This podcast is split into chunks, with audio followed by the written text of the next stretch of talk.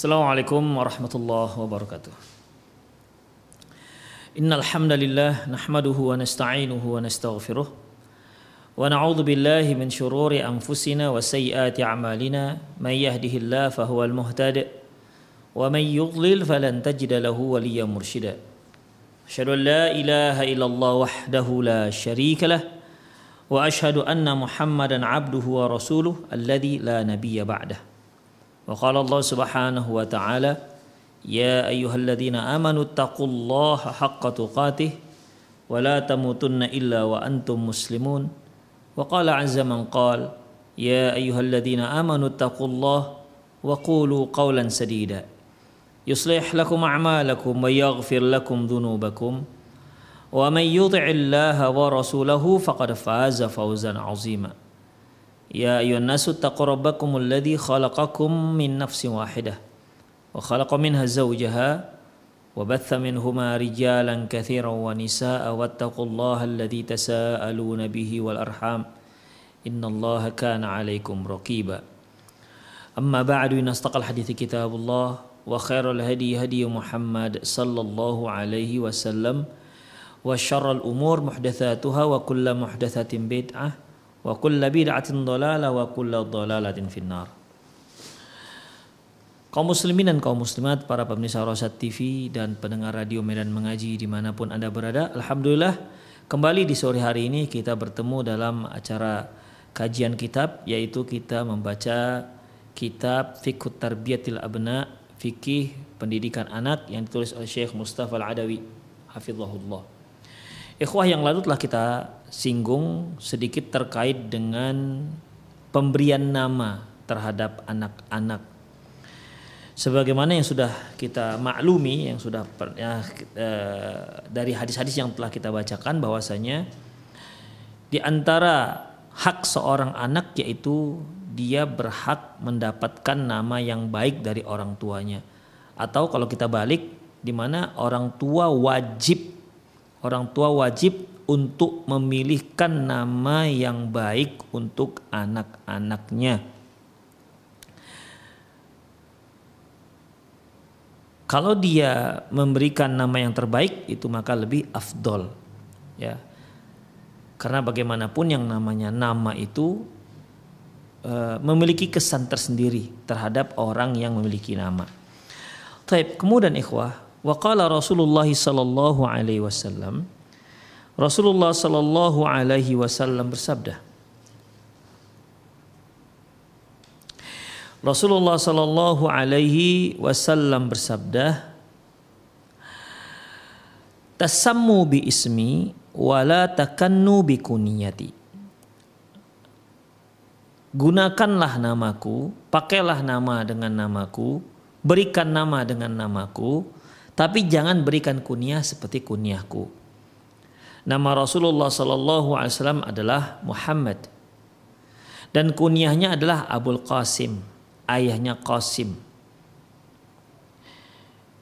Kunyah itu ikhwah eh, diambil dari nama anak laki-laki yang paling tua. Rasulullah Sallallahu Alaihi Wasallam memiliki anak laki-laki ada yang bernama Qasim, ada yang bernama Ibrahim ya. Di mana ikhwah Qasim ini adalah anak laki-laki beliau yang paling tua. Hanya memang tidak ada seorang pun anak laki-laki beliau yang hidup sampai dewasa. Semuanya meninggal dalam semuanya meninggal dalam usia sangat dini. Demikian ikhwah. Dan anak laki-laki beliau yang paling tua bernama Qasim. Makanya beliau memiliki kunyah Abul Qasim. Ayahnya si Qasim. Ini yang dikatakan kunyah dan orang-orang Arab eh, budaya mereka jika ingin memanggil panggilan yang terhormat maka mereka memanggil dengan kunyah bukan dengan nama.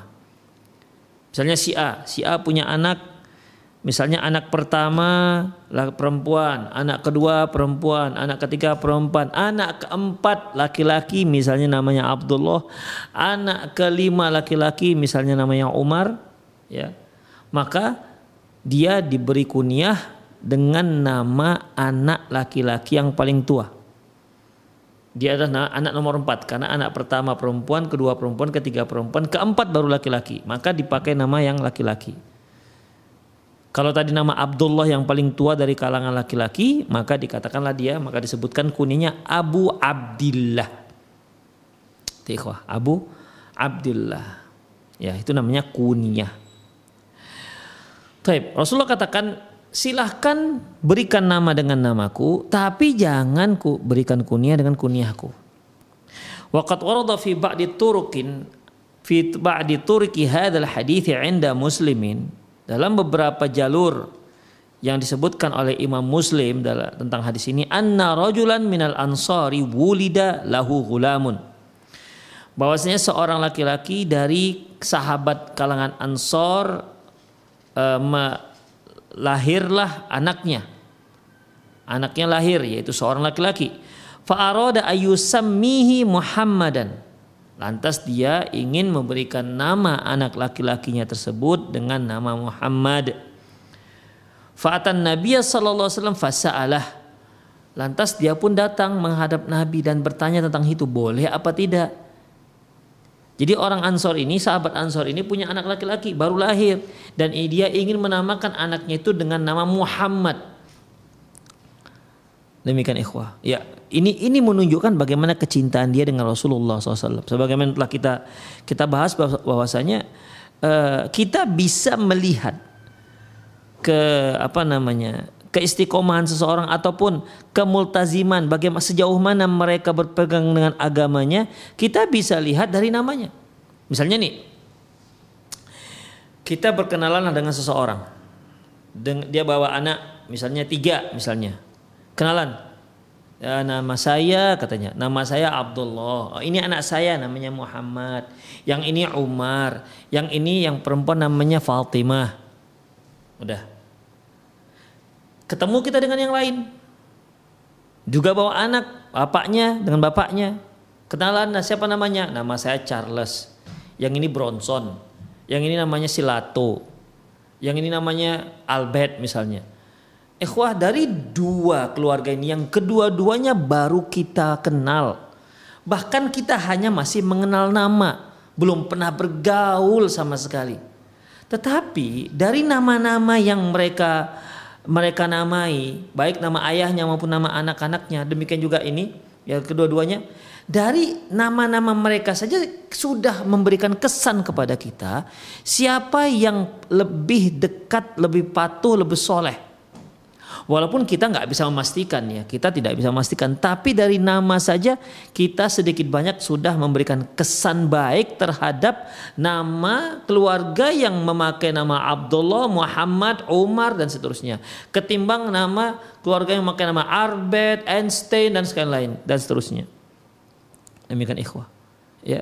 Jadi uh, bahkan para ulama kita mengatakan bahwa nama itu bisa men menunjukkan sebagaimana akidah seseorang. Itu dia. Taib. Di sini Rasulullah Sallallahu di sini laki-laki ini karena dia cintanya kepada Rasulullah Sallallahu Alaihi Wasallam maka dia ingin memberikan nama anaknya Muhammad. Ya, ingin. Kan ada nih orang yang menamakan anaknya Messi misalnya. Kenapa? Karena sangat fine dengan Messi, pemain bintang sepak bola.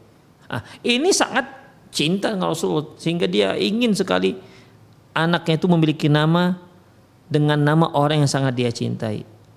Tapi dia ragu. Sebelum dia berikan nama itu dia tanya dulu kepada Rasulullah SAW. Faqala apa kata Rasulullah? Ahsanatil ansor.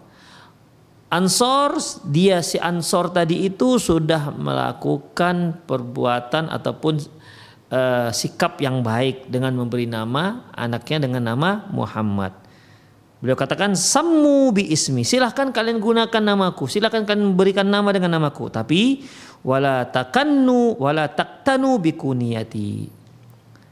Tapi jangan kalian memberi kuniah dengan kuniahku. Demikian ikhwah rahimanallahu wa Waqad samman Nabi SAW waladahu Ibrahim. Nabi Wasallam menamakan nama anaknya Ibrahim. Jadi nama anak Rasulullah itu ada yang Qasim, ada yang Ibrahim, ada yang apa ya uh, satu lagi Qasim Ibrahim Abdullah ya. Demikian ikhwah rahimani Allahu wa iyyakum. Ya. Jadi uh, kalau kita lihat di sini ikhwah rahimani Allahu wa iyyakum, Nabi SAW memberikan nama anak Ibrahim. Ini menunjukkan betapa kecintaan beliau dengan Nabi Ibrahim alaihissalam. Demikian ikhwah rahimani Allah wa. Sebagaimana yang uh, kita baca dulu wa fi sahihaini dalam hadis yang diriwayatkan oleh Imam Bukhari dan Muslim min hadis Abi Musa dari hadis Abi Musa radhiyallahu anhu dia berkata wulida li gulamun anakku lahir fa'ataitu bihin, bihin Nabi sallallahu alaihi wasallam lantas aku pun membawa anak tersebut kepada Nabi SAW jadi Abu Musa al Ashari ya baru uh, istrinya baru melahirkan seorang anak. Lantas dia bawa menghadap Rasulullah SAW anak tersebut. Fasammahu Ibrahim. Lantas Rasulullah namakan dia dengan Ibrahim. Demikian ikhwah wa iyyakum. Ya jadi di sini uh, apa namanya? Rasulullah Sallallahu Alaihi Wasallam memilihkan nama yang baik untuk cucu beliau dan untuk anak para sahabat. Dari sini juga dapat kita ambil kesimpulan ikhwah bahwasanya boleh kita meminta kepada orang-orang yang kita anggap soleh, meminta ide kira-kira mereka punya punya ide enggak nama yang baik untuk anak-anaknya. Nah, demikian ikhwah. Untuk anak yang baru lahir tapi seringnya ya, seringnya ikhwah ketika ditanya, mungkin seorang ustadz tanya, Ustadz saya punya anak ini baru lahir siapa namanya? Nah, terkadang itu bukan dia kepingin mau ngambil nama yang dikasihkan Ustadz, tapi sekedar mana tahu Ustadz punya nama yang cocok untuk dia. Begitu ikhwah. Nah, terkadang ketika seorang ustadz ditanya, seorang guru ditanya, Uh, siapa nih Ustadz saya uh, anak saya baru lahir siapa namanya kira-kira ya kadang-kadang Ustadz bisa memberikan nama 10 kira-kira pilih tapi ada juga nggak ada cocok 10 sepuluhnya yang cocoknya nama dia juga. Dia juga yang milih. Ada yang ikhwah ya. Jadi uh, sering terjadi seperti itu. Sering terjadi seperti itu. Dari sini dapat kita ambil kesimpulan bahwasanya boleh kita tanya orang uh, dia punya ide nggak tentang nama? Demikian ikhwah. Ya tentunya orang yang dia tanya harus orang-orang yang mengerti apa nama yang baik untuk seorang anak. Itu dia. Tapi masalahnya itu yang saya katakan tadi. Orang sekarang kepinginnya namanya yang aneh-aneh. Begitu. Kalau dikasih nama, udah Abdurrahman. Aduh, sudah banyak di kampung ini Abdurrahman. Ab Abdullah, sudah banyak. Ya, demikian. Karena motivasi memberi nama itu memang kalau bisa belum ada nama sebelumnya. Padahal dalam memberi nama tidak harus tidak harus uh, apa namanya tidak harus nggak ada sebelumnya nggak. Memang Allah Subhanahu wa taala pernah berka, bersabda uh, berfirman kepada Nabi Zakaria, "Ya Yahya, inna ya ya Zakaria inna nubashiruka bi ghulamin ismu Yahya lam naj'al lahu min qablu samiyya." Ya Zakaria, sesungguhnya Aku memberi kamu kabar gembira yaitu akan diberi nama seorang anak Yahya dan kami belum pernah beri nama sebelumnya dengan nama Yahya. Boleh nggak ada masalah ya. Tetapi yang terbaik itu bukan nama yang belum pernah diberikan atau bukan nama yang sudah banyak diberikan. Tetapi yang terbaik yaitu sebagaimana sabda Rasulullah SAW khairul ahabul asma ilallahi Abdullah wa Abdurrahman. Sebaik-baik nama yang sebaik uh, Allah uh, nama yang paling dicintai oleh Allah Subhanahu wa taala yaitu Abdullah dan Abdurrahman demikian ikhwah. Rasulullah SAW menamakan anaknya Ibrahim. Ya. Memberikan nama anaknya Ibrahim. Tidak apa-apa ikhwah. Karena Ibrahim seorang nama. Ayah dari sekian ayah dari para nabi. Demikian. Mungkin para pemirsa para pemirsa masih ingat kisah di mana uh, Maryam kemudian saudaranya bernama Harun. Ya, pada Harun ini bukan Harun Harun Nabi Musa sehingga sahabat pernah bertanya, "Ya Rasulullah, ini Allah mengatakan menceritakan tentang kisah Maryam. Di mana penduduk kampungnya mengatakan ya ya ukhta Harun maka abu kimra'asahu wa makanat ummuki baghiya. Wahai saudarinya Harun ya bapakmu bukanlah seorang yang buruk dan ibumu bukanlah seorang peracur kenapa kamu punya tiba-tiba datang bawa anak tanpa suami Nah, di situ kaumnya memanggil Maryam ya ukhta Harun, wahai saudarinya Harun. Sahabat bertanya, "Ya Rasulullah, ini Harun yang mana? Apakah ini Harun adiknya Nabi Musa?" Rasulullah katakan, "Enggak, karena uh, Nabi Musa berbeda kurun dengan uh, Maryam alaihissalam." Demikian ikhwah. Makanya beliau menjelaskan, kenapa uh, saudaranya Maryam namanya Harun? Dia katakan innahum kanu yusammuna bi abnaihim wa salihihim. Innahum kanu yusammuna bil bi am, bi, bil am, bi anbiyaihim wa salihihim qablahum. Mereka itu suka memberikan nama-nama nabi untuk anak-anaknya dan orang-orang soleh sebelumnya. Demikian ikhwah. Dan manhat pemberian nama ini diikuti oleh para sahabat yang lainnya seperti Ali bin Abi Thalib. Ali bin Abi Thalib ikhwah rahimunallah dia setelah meninggal istri beliau Fatimah radhiyallahu anha putri Rasulullah sallallahu alaihi wasallam maka Ali bin Abi Thalib ada menikah beberapa kali. Ya di antaranya beliau menikah dengan Ummul Banin. Ummul Banin ini di antara anak yang hasil pernikahan dia dengan Ali bin Abi Thalib namanya Utsman jadi Ali bin Abi Thalib ada na, punya anak namanya Utsman. Kemudian beliau juga punya istri yang bernama Lailah. Lailah ini punya anak-anak namanya Abu Bakar. Kemudian istri istri beliau, beliau yang lain yaitu Ummu Habibah. Pernikahan beliau dari Ummu Habibah ini menghasilkan seorang anak namanya Umar. Jadi Utsman, Abu Bakar, U, Abu Bakar, Umar, Utsman, ya Abu Bakar, Umar, Utsman nama yang diberikan Ali bin Abi Thalib untuk anak-anaknya. Kenapa? Karena dia tahu bahwasanya Abu Bakar adalah seorang yang soleh.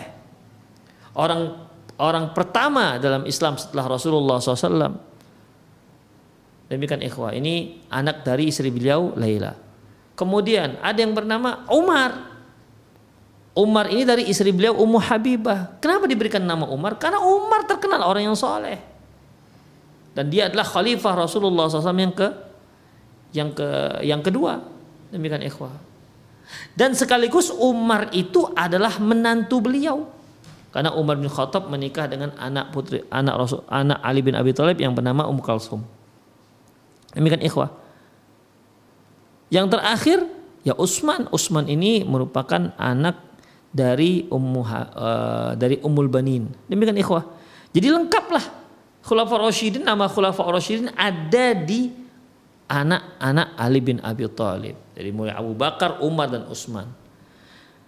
Mengapa demikian? Karena mereka adalah orang-orang soleh dan boleh bertafaul dengan nama-nama yang baik. Tafaul itu berharap dengan nama yang baik dia menjadi baik. Nah, demikian ikhwah. Selanjutnya, qala Syekh Bakar bin Abdullah Abu Zaid rahimahullah fi kitab Tasmiyatul Maulud dalam kitab beliau Tasmiyatul Maulud faya ayyuhal muslim. Wahai sekalian muslim ukarriru muakkidan aku ulang-ulang dan aku tegaskan. Wabil haqqi mudzakiran dan aku tegaskan dengan sebuah keba, keba, kebenaran. Innal isma awun anwanul musamma. Ketahuilah bahwasanya nama itu merupakan alamat ataupun tanda dari orang yang memiliki nama. Faida kanal kitabu yukra'u min anwanihi apabila uh, sebuah buku itu dibaca dari uh, judulnya fa innal mauluda yu'rafu min ismihi fi mu'taqadihi wa wijahatihi dan sesungguhnya demikian juga halnya dengan anak dari penamaan anak itu diketahuilah bagaimana akidah orang tuanya. Dari penamaan pemberian nama untuk seorang anak maka bisa diketahui apa akidah yang memberikan nama dan ke mana orientasinya. Bal i'tiqadu man man bal i'tiqadu man ikhtara lahu hadzal ism. Bahkan bisa kita bahkan bisa kita uh, perkirakan bagaimana keyakinan orang yang telah menabalkan nama tersebut pada seorang anak. Wa mudda basiratihi wa tasawwurihi dan kita bisa menakar sejauh mana ilmunya dan pandangannya. Demikian ikhwan rahimanallah wa iyyakum. Jadi seperti kalau kita katakan seorang ayah namanya Abdurrahman, anaknya Abdurrahim. Demikian. Anak perempuannya Khadijah. Sudah langsung kita bisa beri mengesankan bahwasanya ah, ini orang baik-baik, ini orang soleh, namanya soleh-soleh. Tapi kalau misalnya bertemu dengan seorang namanya Charles, kemudian anaknya bernama apa ya Ronaldo misalnya, anaknya lagi bernama Newton misalnya. Ya ikhwah Trump lagi misalnya begitu. Kita juga sudah bisa apa bisa apa namanya menilai ini keluarga macam apa? Apalagi dilihat emaknya hanya pakai rok mini. Sudah makin pahamlah kita ikhwah rahimanallahu wa iyyakum. Ya. Jadi dari nama dari nama seorang anak saja kita bukan hanya uh, bisa mengetahui tentang ke mana orientasi si anak bahkan kita bisa mengetahui orientasi keyakinan orang yang memberikan nama tersebut kepada si si anak Faismul maulud wi'aun lahu wa anwanu alaihi. Nama si bayi nama bayi itu merupakan wi'aun lahu yaitu karungnya. Artinya apa namanya bisa kita apa kita nilai dari karung tersebut. Ya. Misalnya ada sebuah karung dengan nama yang satu apa namanya segitiga biru misalnya, yang satu lagi isinya beras, rantang misalnya. Kita bisa ketahui dari merek saja, ah, ini tepung, sementara yang ini beras. Jadi ikhwah, dari karung itu saja kita tahu ini apa isinya. Ya. Kita bisa mengetahui. Demikian juga seorang anak Demikian juga halnya seorang anak dari namanya kita bisa ketahui dia bagaimana. Wahwa murtabitun bih dia sangat erat sekali kaitan nama tersebut terhadap seorang anak, tingkah laku si anak. Makanya kalau ada yang mengatakan apalah arti sebuah nama? Itu benar-benar ucapan yang sangat ucapan yang tidak boleh dijadikan sebagai sandaran. Apalah arti sebuah nama? Masya Allah. Kalaulah nama itu nggak ada artinya sama sekali kalaulah nama tersebut tidak ada kaitan sama sekali dengan orang yang diberi nama untuk apa Rasulullah ngatur dalam pembuatan nama sampai beliau katakan ahabbu asma ilallahi Abdurrahman wa Abdurrah, Abdullah wa Abdurrahman sebaik. Nama yang paling dicintai oleh Allah Subhanahu wa taala adalah Abdur, Abdullah dan Abdurrahman. Tasammu bi bismi wa la taqannu bi kunniyati innahum kanu yusammuna innahum kanu yusammuna bi abna wa bi, bi, bi anbiyaihim wa salihihim min qabl. Mereka itu memberikan nama anak-anaknya dengan nama-nama para nabi dan orang-orang saleh sebelumnya. Sampai seperti itu ya dalam pemberian nama jadi nggak mungkinlah kita katakan kalau syariat sudah mengatur lantas tidak ada gunanya itu nggak mungkin kalau kita katakan apalah arti sebuah nama berarti nama itu nggak ada guna sama sekali demikian ikhwah bagi orang-orang yang mengatakan apalah arti sebuah nama, namakan aja namanya dengan cangkul misalnya. Lahir anak pertama, udah cangkul buat. Namakan cangkul. Adiknya bakul. Ya. Adiknya lagi semprul buat. Coba kasih nama. Seperti itu. Kalau dia berani katakan bahwasanya apalah arti sebuah nama, itu keliru ikhwah. Besar artinya sebuah nama bagi seorang anak.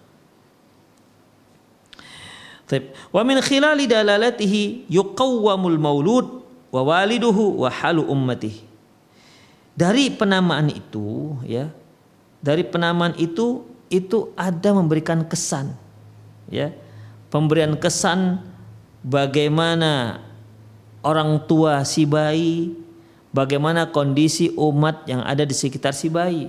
Bahkan nama itu bisa membentuk si bayi. Wa amma hunaka man man muthulin min muthulin wa akhlaqin wa qayyimin dan dan sebagaimana di sana itu sebagaimana nama itu ya menunjukkan akhlak dan kelurusan seseorang fahuwa yadullu 'alal mauludi li syiddatil munasabati bainal ismi wal musamma.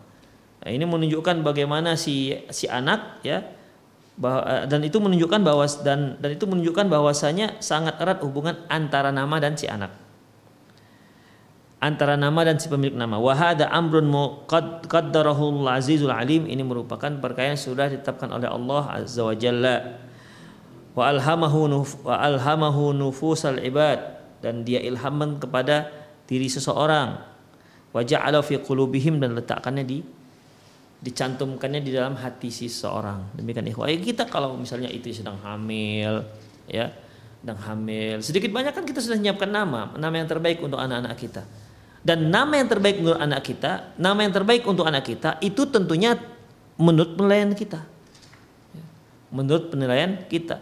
Ya, kalau kita termasuk kalau ada seorang yang gak sangat gandrung dengan apa namanya dengan dengan para bintang-bintang bola maka dia akan namakan anaknya dengan bintang-bintang bola. Demikian ikhwah. Kalau dia sangat gandrung dengan uh, para ilmuwan-ilmuwan falasifah maka dia akan berikan nama anaknya dengan nama tersebut nama Plato, Aristoteles dan seterusnya. Demikian ikhwah rahimanallah wa Jadi sangat erat hubungannya ya antara nama dan si pemilik nama.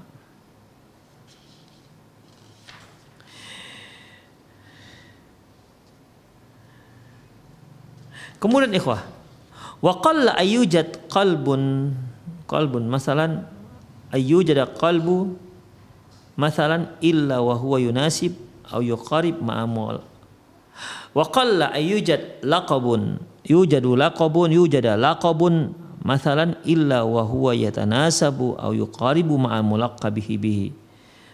Dan dan kita selalu melihat kita selalu mendapati bahwasanya julukan itu sangat sesuai dengan orang yang diberi julukan. Seperti Allah Subhanahu wa taala menamakan memberikan julukan seorang paman Rasulullah SAW yang mati kafir ya dengan julukan Abu Lahab. Benar, ya Abu Lahab. Dan dia memang orang yang penghuni neraka jahanam. Tip selanjutnya. Wa minal masyhuri fi kalamin nas al alqabu tatanazzalu minas sama. Sebagaimana uh, ucapan-ucapan yang sering disebutkan oleh orang-orang oleh masyarakat mereka katakan bahwasanya julukan-julukan itu adalah julukan itu turun dari langit. Fala takadu tajidul isma al-ghalidha asyani illa kana illa ala musamma yunasibuhu. Wa aqsu bi aksi. Dan kita sampai kamu kamu sampai-sampai bisa tidak menemukan nama-nama yang kasar ya kecuali nama tersebut cocok dengan orang yang si pemilik nama. Demikian juga sebaliknya. Kalau kita me, me, apa namanya mengetahui seorang punya nama yang yang halus maka otomatis maka dia eh, apa namanya cocok dengan nama tingkah lakunya cocok dengan namanya. Demikian ikhwah Selanjutnya wa minal muntashir qauluhu likulli musamma min ismi nasib. Di antara uh, ucapan-ucapan yang masyhur bahwasanya semua yang diberi nama uh, nama semua orang yang memiliki nama maka nama itu cocok dengan tobiatnya. Wakil dan dikatakan juga wa qalla in absarat aina kadza laqabin illa wa ma'nahu fi ismi minhu aw laqabin dan sedikit sekali kalau kamu melihat dengan mata kepalamu tentang satu julukan kecuali julukan itu cocok dan sesuai dengan orangnya orang yang mendapat julukan. Walihada nara qala Ibnu Qayyim rahimahullah aktsaru silfati asma'uhu tunasib.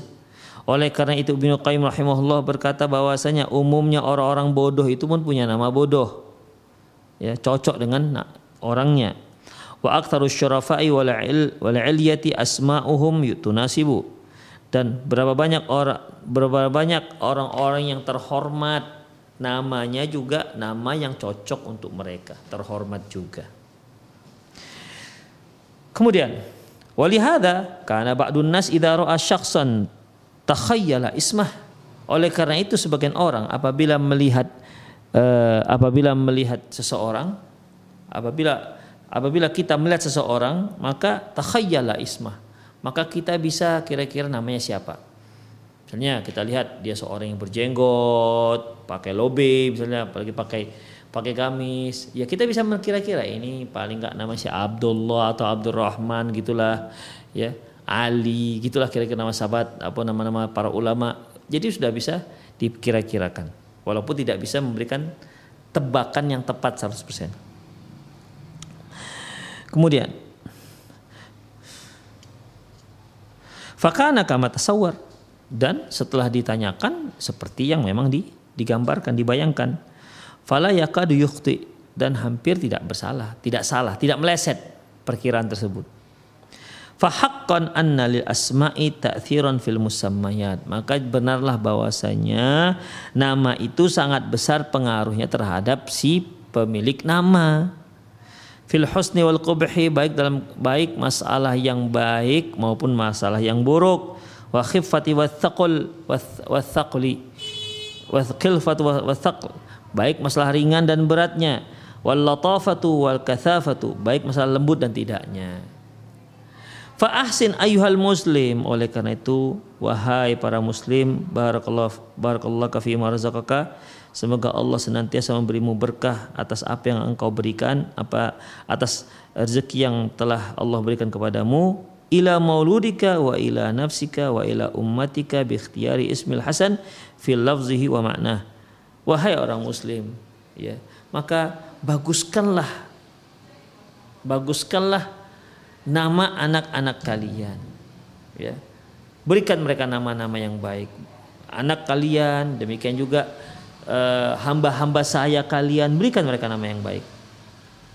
Ya. Mengapa demikian ikhwah rahimanallah wa iyyakum?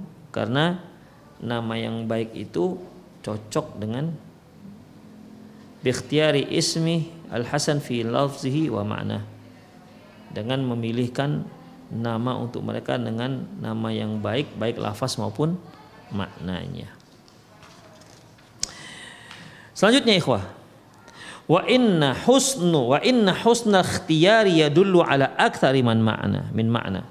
Sesungguhnya pandainya memilih nama yang baik itu menunjukkan ya dulu ala aktsar makna menunjukkan banyak makna di balik itu fahuwa yadullu ala mudda irtibatil ab al muslim bihadin wasallam ya. Di antara kesan kalau kita melihat ada seorang memberikan nama nama yang baik untuk anaknya maka di balik itu semua banyak makna yang bisa kita kita nilai dari sana. Yang pertama bahwasanya kita bisa menilai bahwasanya sejauh mana ikatan orang tua tersebut orang tua si bayi si anak itu terhadap syariat yang dia dia peluk sejauh se, sejauh mana kuatnya keterikatan hatinya dengan syariat Rasulullah Sallallahu Alaihi Wasallam. Wa mudda salamatu tafkirihi dan juga bisa men, kita menilai sejauh mana uh, sejauh mana kemurnian akidahnya. Min ayyi mu'athirin yusrifuhu an tariqi rusdi wal istiqamati. Ya. Sejauh dari nama itu juga bisa kita berikan penilaian sejauh mana sejauh mana kesucian pemikirannya yang terjaga dari berbagai macam hal yang bisa menjauhkan dia dari dari jalan yang lurus, menjauhkan dia dari hal, hal yang sifatnya istiqomah dan wal ihsanu ila mauludin bi ismil hasan. Dan di antara perbuatan baik terhadap anak-anak yaitu dengan memiliki nama yang yang baik. Demikian ikhwah rahimanallah wa iyyakum.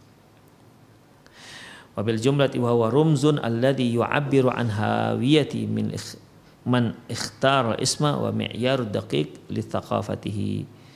Kesimpulannya bahwasanya kemahiran dalam memilih nama itu merupakan uh, apa namanya ibarat ataupun merupakan uh, apa namanya uh, standarisasi ya standarisasi keagamaan orang yang memberikan nama ya dan juga menunjukkan sejauh mana dalamnya orang sejauh mana dalamnya ilmu orang tersebut terhadap ilmu syariat. Wa minad uh, wa minad kalamin min ismuka a, min is min min ismuka a'rifu abak. Bahkan ada lagi e, beredar di kalangan masyarakat awam dari namamu aku tahu bagaimana ayahmu. Nah, demikian. Ya, seperti itu sajalah kajian kita pada sore hari ini. Ya, masih banyak lagi terkait masalah. Nah, demikian aku lu qauli hadza astaghfirullah li wa lakum muslimin innahu wal rahim. Bagi para pemirsa yang ingin bertanya, silahkan boleh telepon langsung. Ya, Anda boleh uh, telepon langsung ke nomor yang sudah ada dalam pesawat televisi Anda atau juga boleh anda kirimkan melalui via chat atau di 0895 6113 27778. Nah. Taib uh, sudah ada masuk. Assalamualaikum warahmatullahi wabarakatuh. Semoga Ustadz dalam keadaan sehat walafiat. Ustadz, kapan sebaiknya kita memberikan nama pada anak? Kapan sebaiknya kita memberikan nama pada anak? Ikhwah rahimahullahikum yang uh, di kajian lalu telah kita telah lewat telah kita lewati di mana Rasulullah Sallallahu Alaihi Wasallam pernah mengatakan bahwasanya eh, beliau bersabda bahwasanya wulidali wala wulidali gulamun lailatan fasammaituhu bi ismi abi Ibrahim tadi malam anakku anak putraku lahir dan kuberikan nama dengan nama ayahku Ibrahim Tadi malam, perhatikan, tadi malam anakku lahir dan kuberi nama anakku tersebut dengan nama ayahku Ibrahim. Berarti kan diberikan nama pada hari pertama dia lahir. Sebagaimana e, ibunya Maryam. Apa kata beliau? Disebutkan Allah Subhanahu wa taala dalam Al-Qur'an, Rabbi inni wada'tuha unsa wallahu a'lamu bima wada'at walaysa dzakur kal unsa wa inni sammaituha Maryam. Jadi di hari ibunya Maryam melahirkan Maryam, ya. Beliau mengatakan, "Ya Allah, aku melahirkan seorang anak perempuan dan tentunya Allah lebih tahu apa yang dilahirkannya." Walaysa dzakaru kal unsa wa inni sammaituha dan aku namakan dia Maryam. Demikian ikhwah. Itu juga di hari yang pertama Eh, ibunya Maryam melahirkan Maryam alaihissalam. Jadi Rasulullah memberikan nama anaknya Ibrahim di hari pertama dia lahir dan ibunya Maryam memberikan nama Maryam di hari pertama dia lahir. Itu ikhwah. Lantas bagaimana dengan sabda Rasulullah Sallallahu Alaihi Wasallam? Kullu kullu maulunin kullu mauludin marhunun bi aqiqatihi tudbahu yawma sabihi wa tusamma bahwasanya setiap anak itu tergadai dengan akekahnya, dengan hewan akekahnya yang disembeli di hari ketujuh dan diberi nama. Berarti diberi nama di hari ketujuh. Jadi ada di sini hadis uh, dalam Al-Qur'an Allah Subhanahu wa taala menyebutkan bahwasanya ibunya Maryam memberikan nama Maryam itu di anak di hari pertama lahir. Rasulullah Shallallahu alaihi wasallam memberikan nama putra beliau Ibrahim di hari pertama lahir. Dan dalam hadis yang lain terkait dengan akikah, ternyata di situ sebutkan memberikan nama di hari yang ketujuh. Ini bagaimana cara mengkompromikannya? Imam Al Bukhari rahimahullah mengkompromikan dengan cara bagaimana? Apabila ya, apabila seorang itu belum punya kesanggupan untuk berakikah, maka di hari pertama lahir anaknya dia sudah boleh memberikan nama terhadap anak tersebut. Tidak usah nunggu hari yang ketujuh karena dia belum sanggup untuk akekah. Demikian ikhwah. Tapi kalau ternyata dia sanggup untuk akekah, maka dia tahan dulu dan dia tabalkan namanya di hari yang ketujuh di hari dikekahkan seorang bayi tersebut. Adapun Syekh Muhammad bin Shalih Utsaimin, beliau mengkompromikan hadis ini. Apa kata beliau? Barang siapa yang sudah punya persiapan nama untuk anaknya yang baru yang akan lahir, maka di hari pertama lahir sudah boleh diberi nama. Kenapa? Karena sesuatu yang ada, sesuatu yang ada itu harus ada apa namanya? Harus ada namanya. Ya. Kalau nggak ada namanya, gimana kita panggil anak kita? Lahir dia misalnya ya siapa namanya nggak ada jadi gimana buyung-buyung buyung apalagi dipanggil agam gitu atau uh, kalau orang Jawa kalau orang Betawi Ujang gitu. Enggak nama banyak nama Ujang.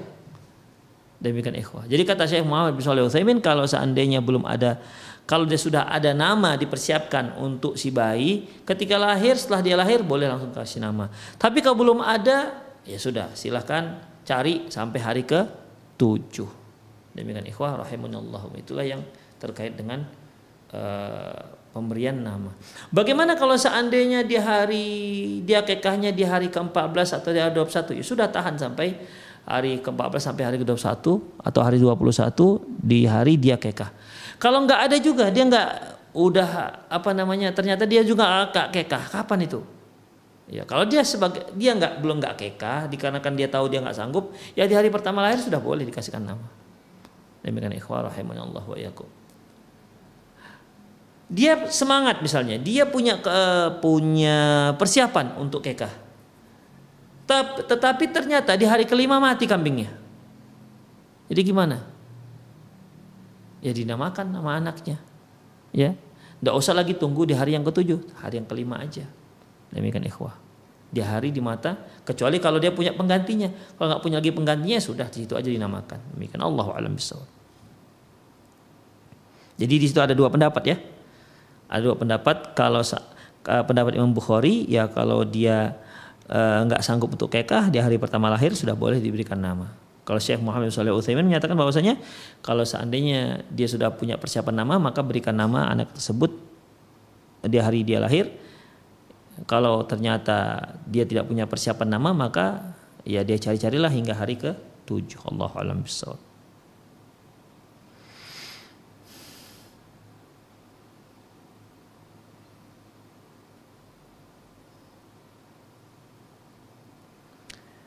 Assalamualaikum warahmatullahi wabarakatuh. Ustadz izin bertanya, anak-anak laki-laki umur sekitar tujuh tahun lebih. Anak bingung dengan nama ini, Fatin. Anak lihat di Google konsultasi syariat Fatin artinya fitnah. Menurut Ustadz apa arti Fatin? Benarkah artinya nama lengkapnya Firza Fatin? Ikhwah rahimnallah, tergantung tanya itu tak apa. Kalau to beda nanti artinya. Ya. Fatin Uh, kalau dia tak ya tak fatin itu dari memang dari kata fitnah. Fatin fitnah di sini artinya ya bukan perhatikan ikhwah.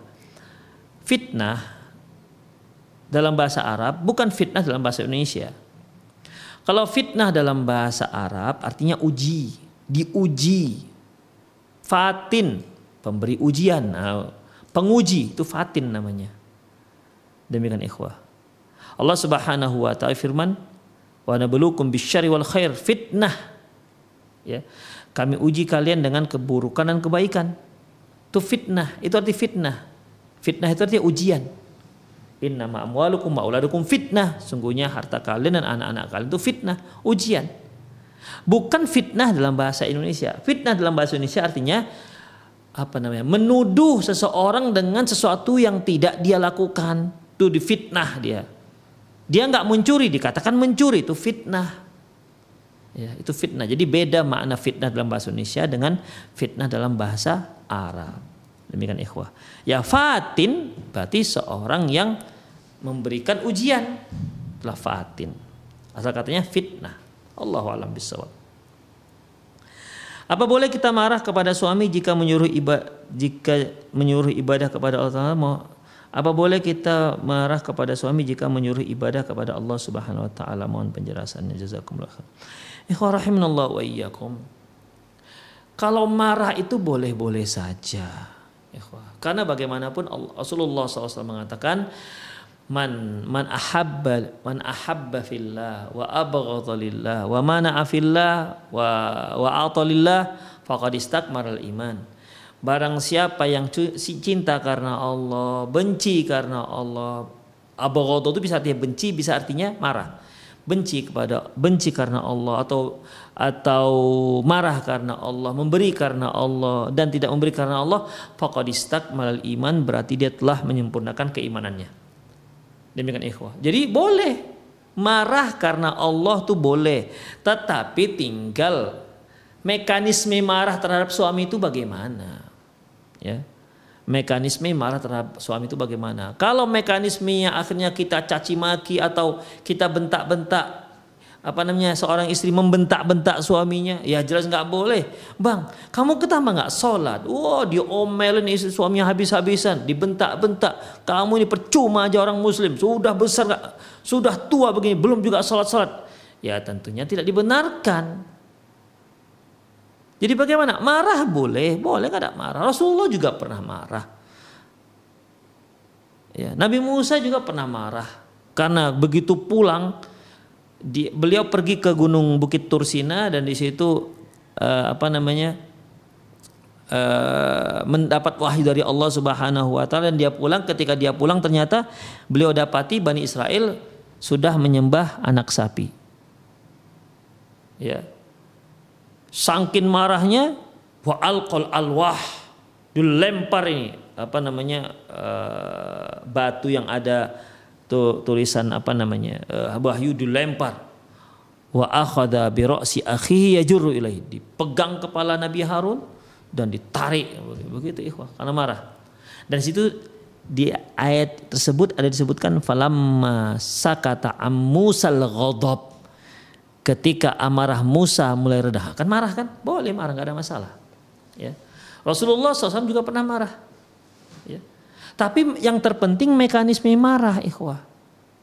Seorang anak bisa dia marah dengan orang tuanya. Tapi apakah sama marahnya orang tua terhadap anak dengan anak pada orang tua? Nggak bisa. Misalnya ketika dia lihat uh, apa namanya dia lihat orang tuanya kok merokok misalnya. Bisa dia marah. Marahnya tapi marah ya marah anak.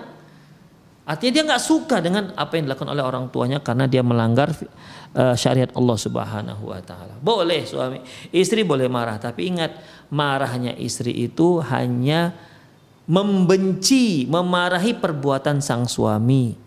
Dan dia bisa menasehati dengan lemah lembut. Inna rifqa la yakunu fi syai'in illa zanah wa la yunza'u an syai'in illa syana. Sungguhnya kelemah lembutan jika dia ada pada sesuatu maka sesuatu itu akan dihiasi dengan kelembutan tersebut. Dan apabila apabila kelemah lembutan itu dicabut dari sesuatu maka sesuatu itu menjadi buruk dan kasar. Demikian ikhwah. Jadi marah boleh tapi ada mekanismenya. Demikian Allahu a'lam bissawab.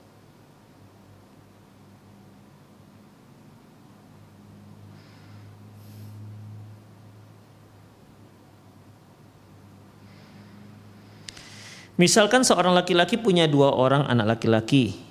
Yang pertama dari wanita yang telah dia cerai dengan nama anaknya Abdurrahman dan dan seorang laki-laki dari istri yang sekarang bernama Abdullah. Jika seorang laki-laki hanya punya beberapa anak wanita. Jika seorang laki-laki yang hanya memiliki punya anak wanita, bagaimana nama kunyahnya? Iya, walaupun istrinya istrinya dua misalnya, istrinya dua, nggak harus cerai, dua-dua dipakai atau empat misalnya, maka tetap siapa nama anak yang paling tua dari usia. Demikian ikhwah. Kecuali kalau lahir barengan, ya lahir barengan ya istri pertama istri kedua sama-sama hamil lahir pas sama dengan detik dan jam yang sama. Allah Akbar. Ya itu tentu nggak mungkin ya. Ya tapi mungkin mungkin saja bisa saja terjadi. Ya maka terserah dia yang mana. Tapi kalau yang isi apa namanya is, di misalnya istri pertama punya anak perempuan, perempuan, perempuan, perempuan, yang kelima baru laki-laki. Istri kedua begitulah belahir yang pertama anak laki-laki. Jadi kan yang laki-laki di istri yang kedua lebih tua dibandingkan laki-laki di istri yang pertama misalnya. Maka kunyahnya diambil tetap siapa anak laki-laki yang paling tua. Demikian usianya. Tidak harus dari satu satu rahim ibu dari beberapa rahim juga nggak apa-apa. Tapi kan yang jelas bibitnya dari si, si suami. Nah, seperti yang ini. Istri pertama Abdurrahman, istri kedua Abdullah. Ya kalau Abdurrahman yang lebih tua ya Abdurrahman. Kalau ternyata Abdurrahman itu lahirnya lebih muda dibandingkan eh, Abdullah ya berarti dia Abdullah. Tapi kalau dari cerita di sini cerai dahulu dia sudah punya anak kemudian menikah lagi baru punya anak lagi ya pastilah yang Abdurrahman dari istri pertama lebih tua dibandingkan Abdullah dari istri yang yang kedua ya. Karena dia sudah cerai cerai nikah lagi. Kan nggak mungkin yang dia cerai dia menikah punya anak namanya Abdurrahman cerai kemudian menikah menikah lagi dengan istri kedua punya anak Abdurrahman. Nggak mungkin kan Abdurrahman lebih tua dibandingkan uh, Abdullah uh, nggak mungkin Abdullah lebih tua dibandingkan Abdul Abdurrahman. Maka tetap diberi nama diberi kunyah dengan nama anak yang paling tua jika seorang anak hanya punya beberapa anak wanita saja gimana? Boleh dia pakai nama pakai anak perempuannya. Sebagaimana seorang ulama yang bernama Abu Aliyah. Ya Abu Aliyah. Aliyah itu perempuan. Boleh. Kalau nggak ada nama anak perempuan. Eh, kalau nggak ada nama anak laki-laki. Atau juga boleh dia mengambil nama keponakan yang laki-laki. Seperti Aisyah radhiyallahu Aisyah radhiyallahu anha umul mukminin Aisyah radhiyallahu anha beliau nggak punya anak tapi beliau punya kunyah kunyahnya Ummu Abdillah siapa tuh Abdillah Abdillah adalah anak dari kakak beliau Asma binti Abi Bakar jadi Asma binti Abu Bakar punya anak namanya Ab Abdullah bin Zubair bin Awam. Demikian ikhwah. Jadi dia mengambil nama Abdullah dari keponakannya. Maka jadilah kunyahnya Aisyah radhiyallahu anha Ummu Abdillah. Saya Ummu Abdillah ini bertanya Ustaz, anak saya usia lima tahun. Saya ikutkan TPA di masjid dekat rumah yang mana pengajarnya belum bermanat salaf. Tujuan saya ikutkan TPA itu agar ia belajar bersosialisasi dengan teman-temannya karena dia masih anak semata wayang. Sejauh ini yang Anda lihat pengajarnya hanya mengajarkan ikro dan hafalan Quran. Apakah hal itu tidak tidak apa-apa? Jazakumullah khairan. Ikhwan rahimahullahikum. Uh, begini.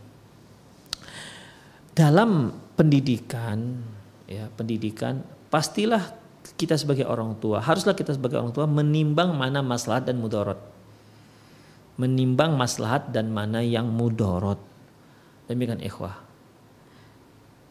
Kalau ternyata uh, ibu yang bertanya atau ikhwah yang ber, ikhwan yang bertanya yang punya anak lima tahun ini uh, di dekatnya ada TPA tapi yang mengajarnya bukan bermanfaat salaf. Kalau kalau antum bisa ngajar kenapa nggak antum aja yang ngajar? Kita ikhwah itulah apa ya kita sering menyerahkan anak kita belajar kepada yang orang lain sementara apa yang diajarkan itu kita itu bisa. Seperti mengenal huruf ijaiyah. Masa sih kita nggak bisa baca Quran kita bisa baca Quran sangat kenal dengan huruf ijaiyah. Masa sih anak kita kita suruh belajar dari orang lain? Apa kita nggak merasa rugi? Itulah ikhwah. Apa kita nggak merasa rugi? Karena ketika kita ajarkan satu huruf, kita kenalkan satu huruf kepada anak kita. Maka kalau dia nanti sudah bisa baca Quran, setiap dia membaca huruf yang kita ajarkan, itu mengalir kepada kita pahalanya. Apalagi kalau si anak bisa baca Quran melalui tangan kita. Allahu Akbar, luar biasa itu. Setiap dia baca Quran sampai dia meninggal nanti, kita terus pahala terus mengalir ke kita kita dapat pahala karena kita seorang tuanya. Yang kedua, kita mendapat pahala karena kita mengajarkan ilmu yang bermanfaat. Rugi kita kalau kita ajarkan, kalau kita serahkan ke orang lain hanya ikro, ikro itu kan bisa kita ajarkan. Sayang sekali. Bagaimana kalau seandainya ternyata si anak akhirnya terus suka cinta dengan Al-Quran sampai dia seorang hafizah ataupun seorang hafiz yang mengulang-ulang Al-Quran, Allahu Akbar itu gurunya itulah yang dapat dapat apanya pahalanya ngalir. Demikian ikhwah. Ya kalau saya ti kalau saya, saya upayakanlah bagi orang tua yang bisa baca Quran dari mereka anak bisa baca Quran. Demikian. Dari mereka upayakan dari kitalah sebagai orang tua yang di mana orang anak itu bisa baca Quran melalui kita. Adapun penghalusannya oke lah dari yang lain. Mungkin dia belajar gunahnya segala macam. Tapi upaya ya kalau kita bisa mengajarkan kenapa orang lain. Baik, oke lah dia mungkin nggak punya waktu, ibunya juga nggak punya waktu. Allah Akbar ini orang tua model apa ya? Mengajarkan Al-Quran nggak ada waktu. Oke anggap aja lah nggak ada waktu. Mungkin anaknya banyak ya.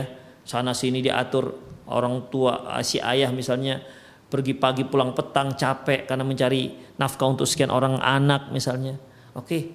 Jadi bagaimana? Ya kita timbang-timbang. Ketika dia hanya mengajarkan Al-Quran, tidak mengajarkan yang lain-lain, silakan gak ada masalah. Ya, silakan gak ada masalah. Seraya dipantau-pantau, ya dipantau-pantau. Demikian ikhwah rahimanallah wa iyyakum. Ya, kitalah yang yang pandai-pandai apa namanya memantau anak kita karena kita, karena harus harus memilih dua. Dia belajar Al-Quran tapi tidak dari guru yang yang bermanhaj salaf. Dan guru itu hanya ngajar Al-Quran. Dia bukan yang bermanhaj salaf tapi dia hanya ngajar Al-Quran tidak ngajar yang lain. Atau dia tak baca Quran sama sekali karena kita nggak ngajarkannya. Pilih yang mana? Saya ulangi kan ada dua pilihan. Dia di rumah saja nggak ada yang ngajar Al-Quran atau dia belajar di TPA dia belajar Al-Quran dari seorang guru yang tidak bermanhaj salaf. Dan dia tidak mengurusin yang lain-lain selain Al-Quran. Pilih yang mana? Ya kalau kita pilih yang paling kecil mudorotnya. Yaitu yang yang kedua. Daripada dari rumah nggak baca Quran, nggak belajar Al-Quran, mau jadi apa dia nanti? Demikian ikhwah. Rahimani Allahu. Demikian ikhwah, seperti itu saja kajian kita pada sore hari ini. Semoga apa yang kita bahas tadi bermanfaat. Lebih kurang mohon maaf. Ya. Lebih dan kurang mohon maaf aku qouli hadza wa astaghfirullah li wa lakum wa muslimin innahu wal ghafur rahim. Kita akhiri dengan doa kafatul majlis subhanakallahumma bihamdik Asyhadu la ilaha illa anta astaghfiruka wa atubu ilaihi wa sallallahu ala nabiyyina Muhammad wa ala alihi wa ashabi ajma'in. Wa akhiru da'wana alhamdulillahi rabbil alamin. Assalamualaikum warahmatullahi wabarakatuh.